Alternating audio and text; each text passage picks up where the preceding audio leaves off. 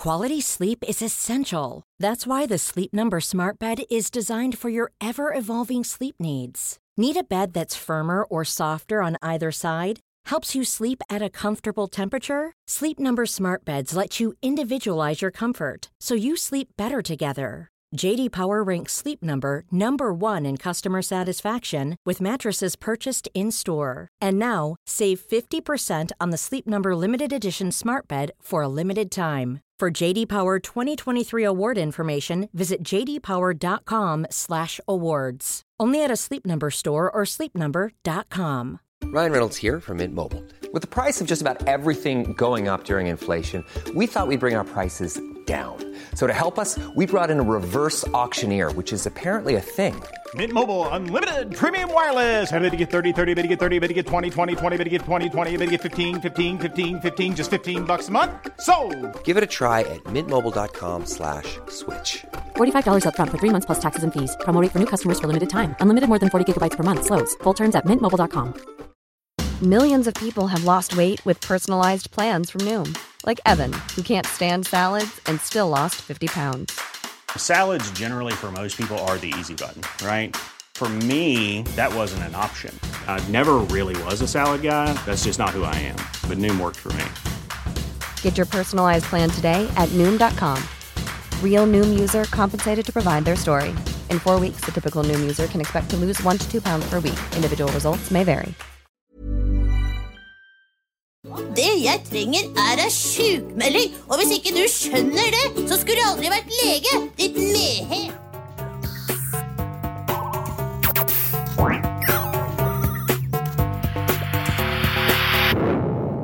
Velkommen til Sinnsyn. Jeg heter Sondre Risom Livre, er psykolog, og dette er Webpsykologens podkast. Hverdagspsykologi for fagfolk og folk flest.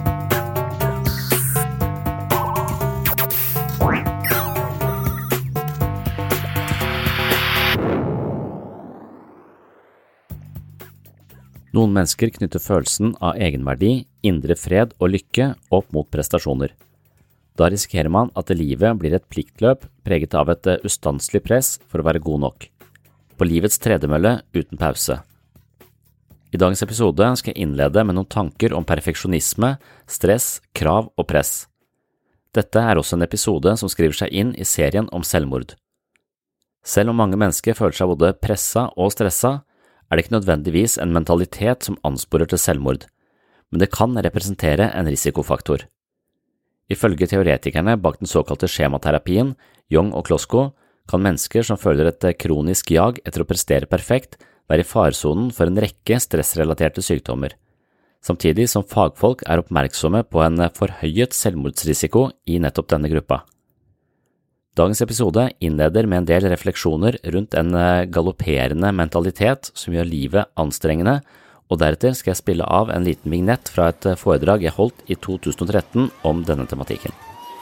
Eh, Samlivsterapeuten vår har sagt at eh, når man har en travel hverdag, så må man øremerke tid til familiesamvær. Man må bevisst sette av tid til å bare være sammen, bare være nære, all den dritten der. Eh, Så i dag mellom 11 og 13 så skal vi ha kos og hygge og spille ludo på denne her. Og Kristine har marmet om det i alle år, at vi aldri har tid til henne, at vi eh, behandler henne som luft. Og da er det rimelig useriøst av henne å bare stikke av nå for å la seg kurtisere eh, av en eller annen degos. Så vi er her for å redde familien vår. Hvis jeg anstrenger meg, så må hun anstrenge seg. Jeg har virkelig ikke tid til å forskyve denne timeplanen her. Jeg har en videokonferanse etterpå som er dritviktig.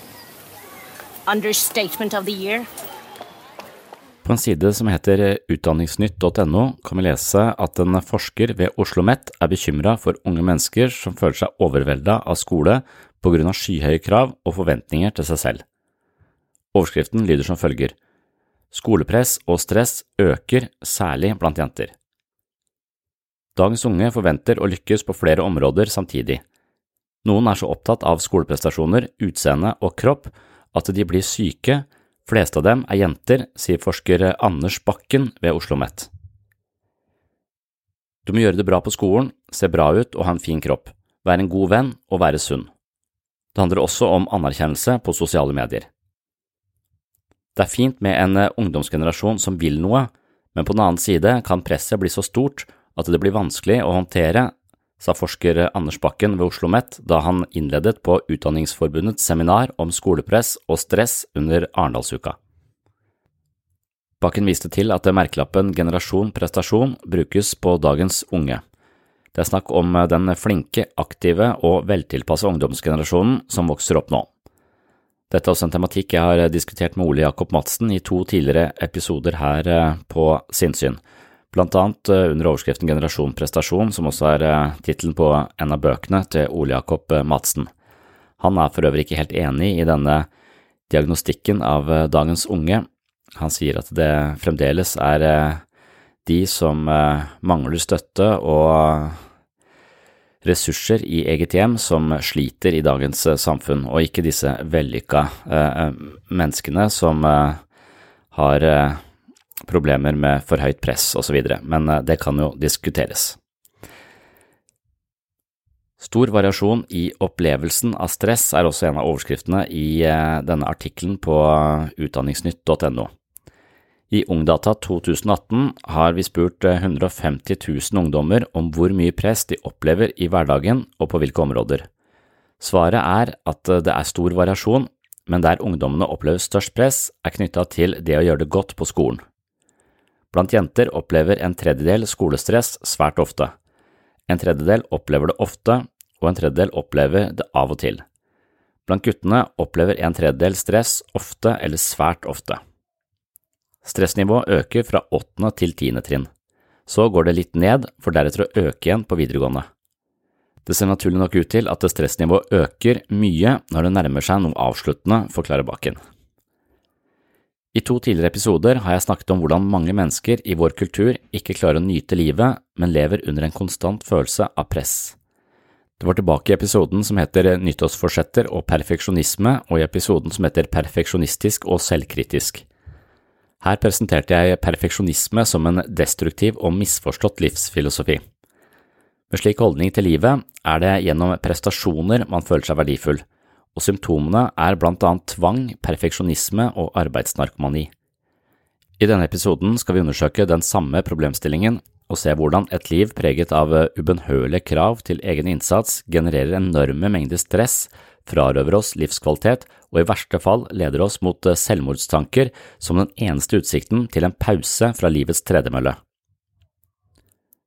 Noen mennesker har vokst opp med for høye krav og for mye press i forhold til plikt og prestasjoner. Noen barn opplever at foreldrenes kjærlighet er noe man fortjener dersom man tilfredsstiller høythengende standarder. Andre har vokst opp eh, sammen med én eller to foreldre som var forbilder for uforholdsmessige eller ubalanserte standarder. Noen har til og med opplevd kritikk med en påfølgende følelse av skam og utilstrekkelighet dersom de ikke har nådd opp til de høye forventningene.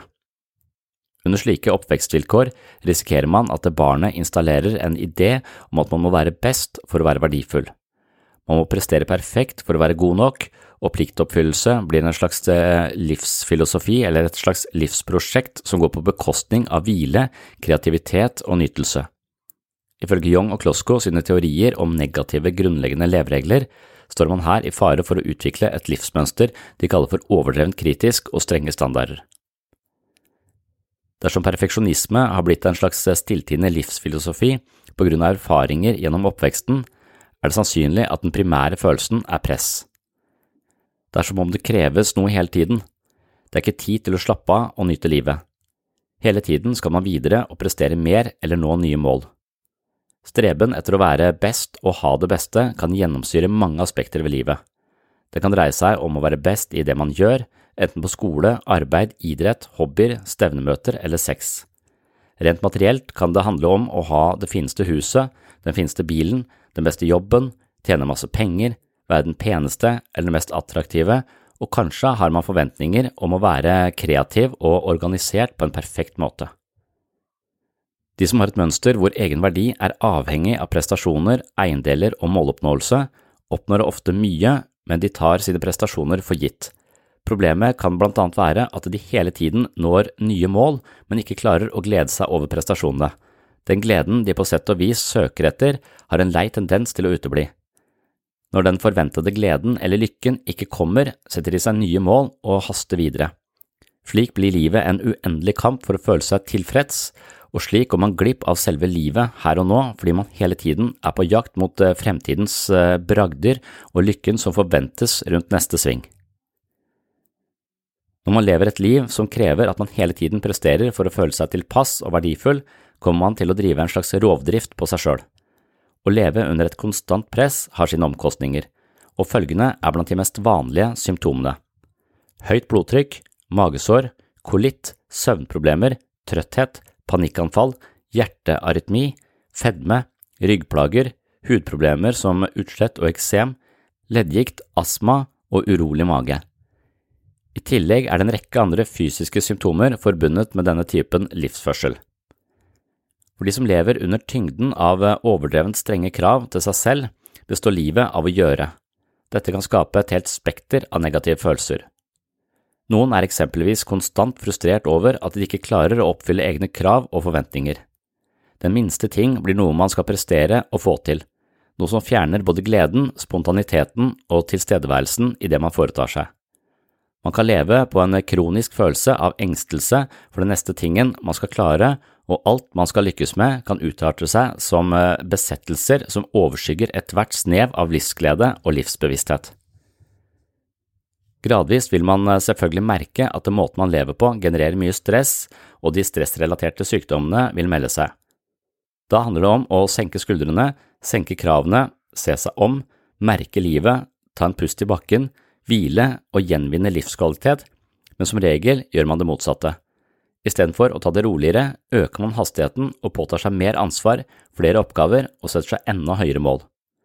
Det er som om den eh, psykiske programvaren, eller den negative og til dels ubevisste leveregelen lurer oss til å tro at de tingene vi streber etter, snart vil gi avkastning og tilfredsstillelse.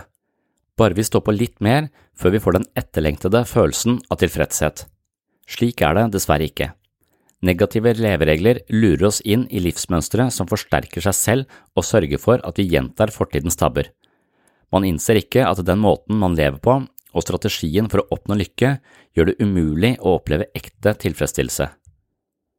Det eneste man har igjen for å prestere perfekt, er følelsen av konstant press. I verste fall blir livet et evig jag hvor det ene kravet avløser det andre uten at man klarer å finne hvile noe sted. I noen sørgelige tilfeller hender det at personer som lider under denne leveregelen, ikke ser noen annen utvei enn døden.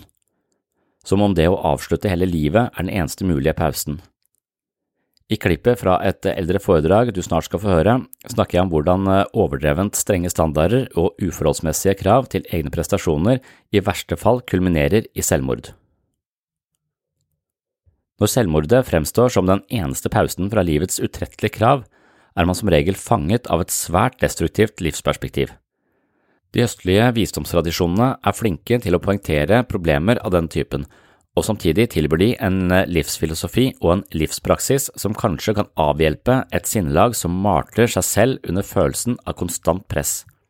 Det å eie de eh, flotteste tingene, opparbeide seg mer og mer status, tilstrebe andres anerkjennelse eller skalere makthierarkiene gir ikke mennesker mer lykke. Både folkeeventyr og religiøse fortellinger er fulle av metaforer og konkrete argumenter mot ideen om å knytte følelsen av indre fred og lykke til den materielle virkeligheten. Likevel slutter vi ikke å forføres av våre automatiske tanker som krever at vi løper stadig raskere på livets eh, tredemølle, anskaffer flere ting, tror at lykken kommer rundt neste sving, etter neste lønnsforhøyelse eller etter neste prestasjon. Dette er en tankefelle som både kan ha sitt opphav i vår egen oppvekst, men samtidig er det sannsynlig at denne tankefella ligger innbakt i vår egen kultur.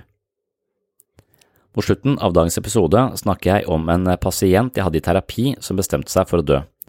Hun var eh, utslitt av en eh, utrettelig selvkritisk holdning, ubønnhørlige krav til egen innsats og all verdens eh, smerter forbundet med stress og konstant frustrasjon. Ingenting var godt nok for henne, og hun kunne ikke fri seg fra tanken om at hun hele tiden måtte prestere litt bedre, jobbe litt hardere og klare litt mer for å finne den roen hun hadde sårt behov for.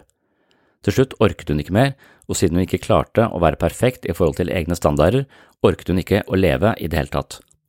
Hun bestemte seg for å ta sitt eget liv, og idet hun tok denne beslutningen, opplevde hun en dyp og inderlig fred. Hun lå på sengen og følte seg totalt avslappa, en følelse hun ikke hadde hatt på mangfoldige år. Hun overlevde selvmordsforsøket, og noen uker senere forteller hun meg om de to beste timene hun har hatt i hele sitt liv. Det var de to timene da hun ga slipp på alt og fant hvile fordi livet var ved veis ende. Hun var likevel ikke ved veis ende, og den freden hun opplevde i disse to timene, eller tre timene tror jeg det var, var ikke i døden, men i livet.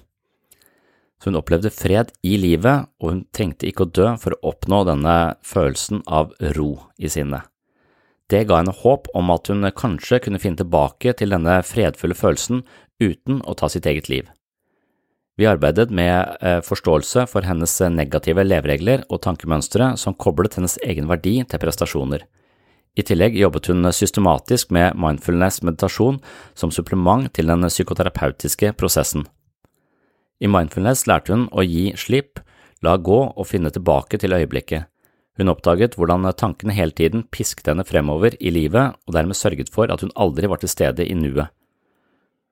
Hun opplevde ikke livet som noe annet enn en bekymring for fremtiden. Ethvert øyeblikk var farget av anstrengte tanker om alt hun skulle klare i morgen og til sin forferdelse innså hun hvordan disse tankemønstrene la beslag på følelsene og ethvert tilløp til eh, livskvalitet og glede.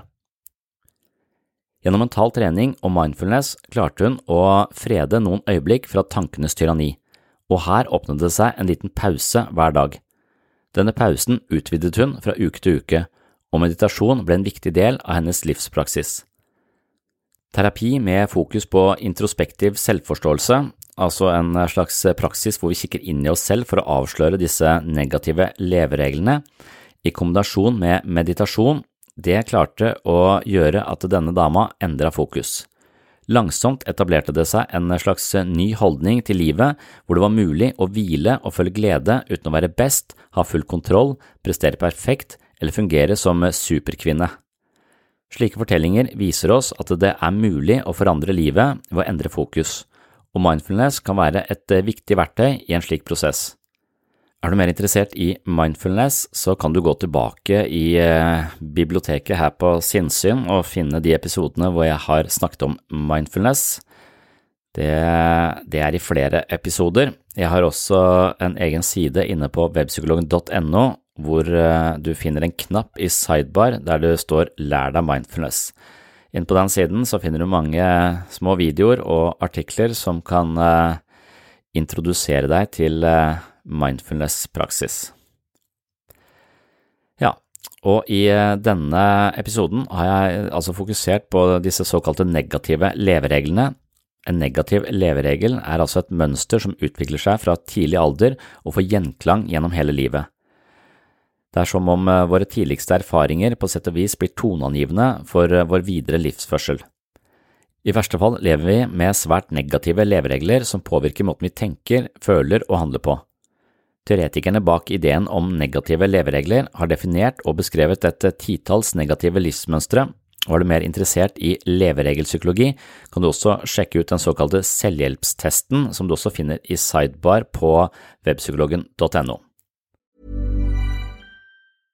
How would you like to look five years younger? In a clinical study, people that had volume added with Juvederm Voluma XC in the cheeks perceived themselves as looking five years younger at six months after treatment. Look younger, feel like you. Add volume for lift and contour in the cheeks with Juvederm Voluma XC. Reverse signs of aging by adding volume to smooth laugh lines with Juvederm Volure XC. For important safety information and to find a licensed specialist, visit juvederm.com. That's J U V E D E R M.com. Not for people with severe allergic reactions, allergies to lidocaine, or the proteins used in Juvederm. Common side effects include injection site redness, swelling, pain, tenderness, firmness, lumps, bumps, bruising, discoloration, or itching. There's a risk of unintentional injection into a blood vessel, which can cause vision abnormalities, blindness, stroke, temporary scabs, or scarring. Talk to a licensed specialist to find out if it's right for you. Ever catch yourself eating the same flavorless dinner three days in a row? Dreaming of something better? Well, HelloFresh is your guilt free dream come true, baby. It's me, Gigi Palmer. Let's wake up those taste buds with hot, juicy pecan crusted chicken or garlic butter shrimp scampi. Mm. Hello Fresh. Stop dreaming of all the delicious possibilities and dig in at HelloFresh.com. Let's get this dinner party started. Even when we're on a budget, we still deserve nice things. Quince is a place to scoop up stunning high end goods for 50 to 80% less than similar brands. They have buttery soft cashmere sweaters starting at $50, luxurious Italian leather bags, and so much more. Plus, Quince only works with factories that use safe, ethical, and responsible manufacturing. Get the high-end goods you'll love without the high price tag with Quince. Go to quince.com/style for free shipping and 365-day returns.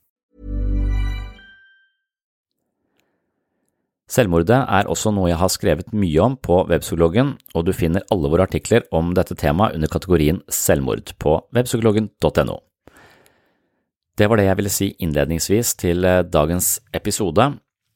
Det handler altså om eh, den typen eh, mentalitet eller følelse når livet blir en evig kamp. Nå skal du få høre en, en vignett eller et lite utdrag fra et av de foredragene jeg holdt innenfor selvmordspsykologien i 2013, tror jeg det var. Kristine, nå kommer du her. Vi skal ha hyggelig familietid, og det vet du utmerket godt, for denne agendaen har du fått på mail, Kristine. Jeg er litt for gammel for ludo, eller? Kristine, Nå skal mamma prøve å si dette til deg på en rolig og ikke-konfronterende måte, sånn som mamma har lært av samlivsterapeuten. Mamma jobber med seg selv. Mamma og pappa prøver å redde ekteskapet. Vi kjemper for å redde familien vår. Vi kjemper med alt vi har, Kristine. Men da må du for helvete stille opp, du også. Ikke stå her og dille og surre og drite deg ut, Kristine, med en lokal sleazy kakerlakk. Mamma, han er halvt svensk og halvt spansk. Han skjønner hva du sier. Svensk?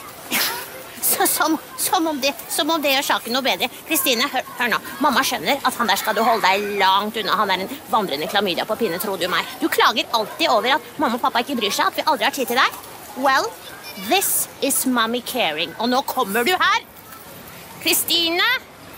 Mamma unner verken deg eller meg at du blir gravid med en jævla EØS-baby. Det er ikke verre enn det.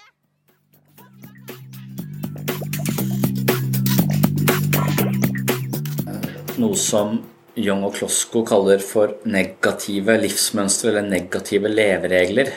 Eh, og det henger sammen med en eh, idé om at eh, mellom de impulsene og de handlingene vi utfører, så ligger et slags fortolkningsverktøy. Vi har et repertoar av måter å fortolke oss selv og situasjoner på.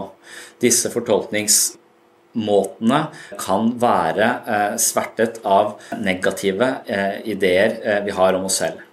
Og og Klosko snakker da om noen negative leveregler, som, rett og slett er at de personene vi har vokst opp sammen med, har på en eller annen måte fortalt oss at vi ikke er like gode som andre. Kanskje har vi fått mye kritikk, kanskje har vi blitt ignorert. Det er mange måter å føle at man er mindre verdifull på. Og de erfaringene har på en måte avleiret seg i vår egen selvfølelse og styrer mye av måten vi tenker, føler og handler på også senere i livet. Så negative leveregler er på en måte en skade man har fått i relasjon til sine nærmeste gjennom oppveksten, og på en måte forstyrrer den vår evne til å se ting klart. Altså vi, vi, tolker ofte ting med negativt fortegn fordi at vi har en, en grunnleggende idé om at vi ikke er like gode som alle, at vi alltid kommer til å mislykkes, at vi ikke er verdt å elske osv. Så, så dette er på sett og vis en slags virus på tanken. Young og Klosko kaller det negative leveregel, noen kaller det negative skript. Det er mange måter å, å, å, se det på. Hvis man skal sammenligne mennesker med en datamaskin, så kan det hende at, denne, at vi er født med selve hardwaren, vi er født med hjernen, men alt det eh, som vi bruker til å fortolke informasjon med, det er jo software. Og denne softwaren den er noe som er installert fra vi eh, var små og opp gjennom hele livet. Og hvis vi har dårlig programvare, hvis vi har programvare installert av folk som er kronisk kritiske eller eh, har nok med seg sjøl, så kan vi, få, så kan vi på, på sett og vis operere på en programvare som tolker data negativt og i dystre retninger, som skaper et nedslående og negative følelser og frarøver oss eh, livskvalitet. Og frarøver oss muligheten til å nå vårt potensial og fører til angst, depresjon, tilbaketrekning. Og igjen større fare for uh, risiko for at man avslutter livet ved, ved, ved, selvmord. Det er mange forskjellige leveregler, det er veldig mange forskjellige måter å bli skadet i selvfølelsen på. En av de som er mest forbundet med, med selvmord, er det som Young Klosko kaller overdreven kritisk og strenge standarder. Her har du en form for supermennesker som lever på en idé om at de er nødt til å prestere perfekt for å være verdifulle. Du finner de ofte i høye stillinger. De har en tendens til å sette seg veldig høye mål. De kjemper alltid mot å nå de målene, og med en gang de når målet og tenker at det her kommer en følelse av tilfredsstillelse, så uteblir den følelsen, og de bare setter lista litt høyere og fortsetter å løpe mot neste mål.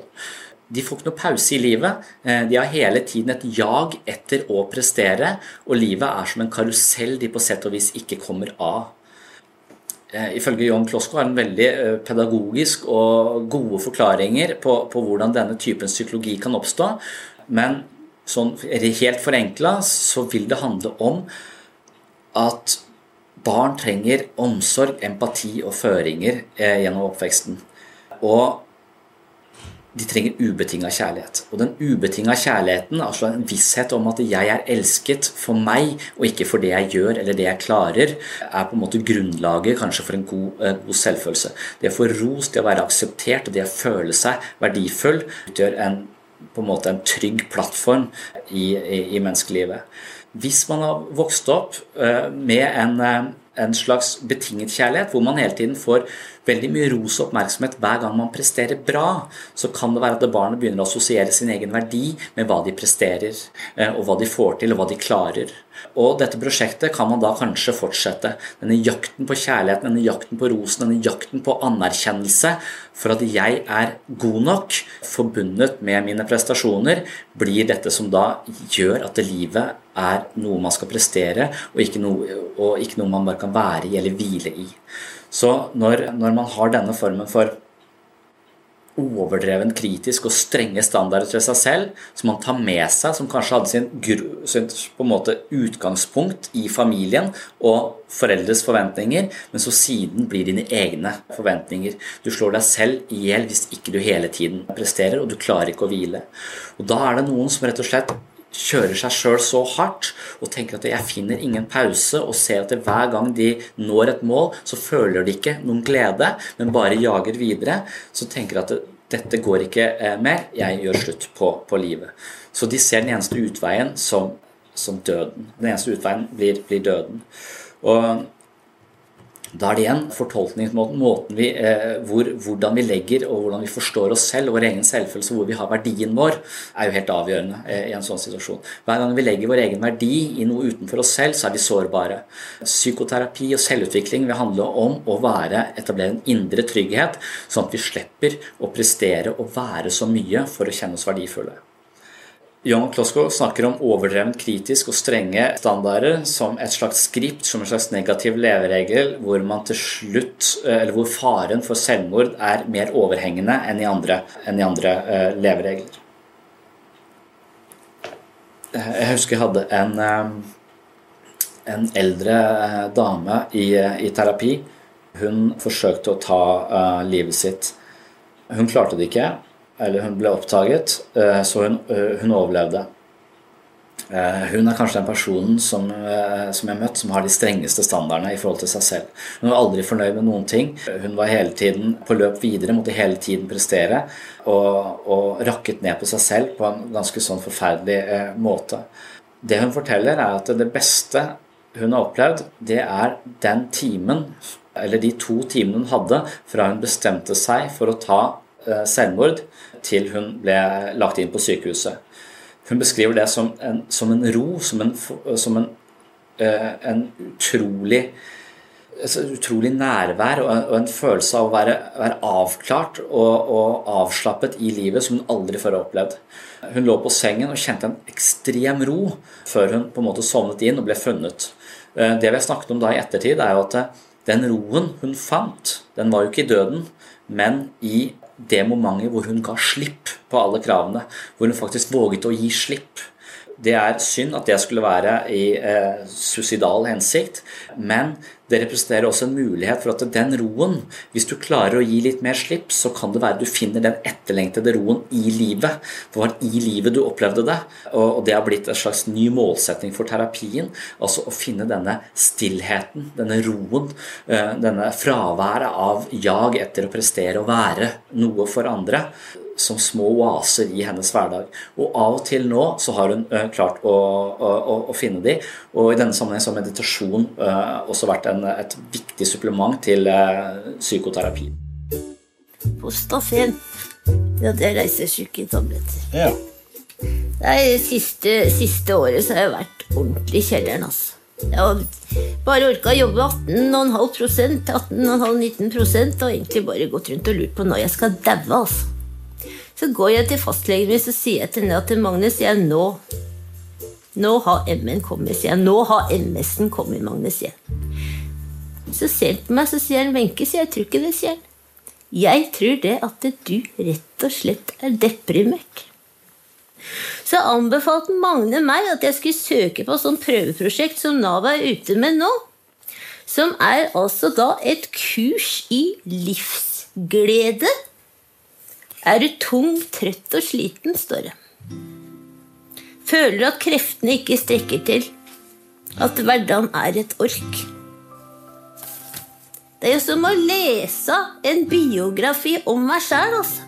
Så slår det meg det at det, det er jo ikke noe rart at jeg sliter med motivasjon. Jeg har jo et helvete i både huet og ræva med alt fra migrene til det du ikke vil vite. altså. Så står det her to uker på Gran Canaria. Hvor du får hjelp til å finne din indre kraft. Altså, det, jo, det kommer jo som bestilt. Det er jo akkurat det jeg har behov for. altså. Par late uker under en parasoll på Gran Canaria. Og så er det jo da også innmari greit eh, på den måten at hele denne ferien er jo Eller kurset, da. Det er fullfinansiert av Nav. Det tenker jeg, det skulle jo bare mangle. altså. Når norsk skolevesen brukte de siste 25 åra på å mjelke meg for det jeg har av blod, svette og tårer, så nå er det pinadø på tide at jeg får lov til å holde på å si mjelke litt tilbake.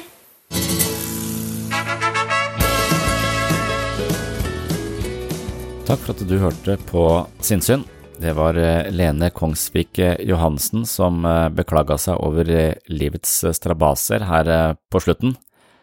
Dette ble altså nok en episode om eh, selvmordet fra en litt eh, spesiell innfallsvinkel, altså den typen selvmord hvor man eh, har sin egen verdi knytta opp til eh, prestasjoner på en sånn måte at man ikke kan tillate seg selv å ta en eneste pause, man må bare hele tiden eh, stå på og setter seg nye mål, høyere krav, for eh, hvis man ikke presterer eller er inaktiv, så mister man også verdi som menneske, så det er en slags uutholdelig utholdelig posisjon å være i. Så Derfor så er man mer eller mindre dømt til å hele tiden eh, jage videre i livet, noe som selvfølgelig blir utmattende, og den eneste utveien for noen da er å tenke at de må rett og slett ta sitt eget liv. Det er ikke en eh, vanlig eh, måte eller en vanlig mentalitet bak, eh, bak, selvmord, men det er eh, også en av mange veier inn i selvmordet. Og det er det disse små, korte episodene om selvmordet skal handle om, ulike innfallsvinkler til å forstå selvmordets psykologi. Det var det for denne gangen. Det kommer flere episoder, de kommer ikke nødvendigvis rett etter hverandre, men som tidligere så lager jeg nå en, en kort serie om denne tematikken. Ellers så er jeg jo veldig glad for alle som har eh, rata podkasten og gitt den tilbakemeldinger i, iTunes, kjøpt bøkene fra Webpsykologen og anbefalt eh, podden til eh, venner og bekjente. Tusen hjertelig takk for det. Det er stadig vekk folk som kjøper bøkene mine, det setter jeg stor pris på, så tusen takk til dem. Takk for følget, og på gjenhør i neste episode.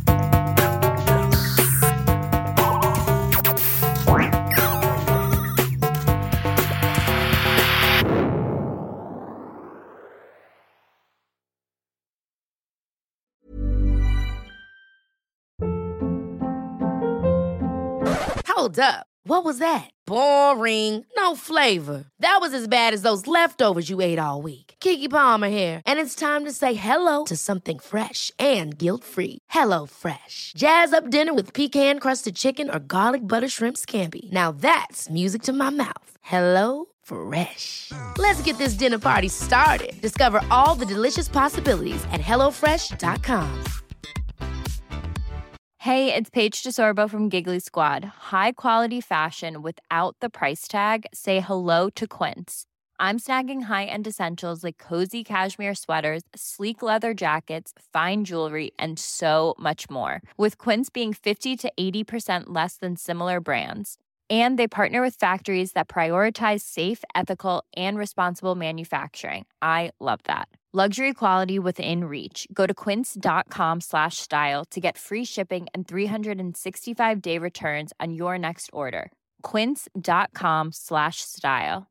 Mom deserves the best, and there's no better place to shop for Mother's Day than Whole Foods Market. They're your destination for unbeatable savings, from premium gifts to show-stopping flowers and irresistible desserts. Start by saving 33% with Prime on all body care and candles. Then get a 15-stem bunch of tulips for just $9.99 each with Prime. Round out Mom's menu with festive rosé, irresistible berry chantilly cake, and more special treats. Come celebrate Mother's Day at Whole Foods Market.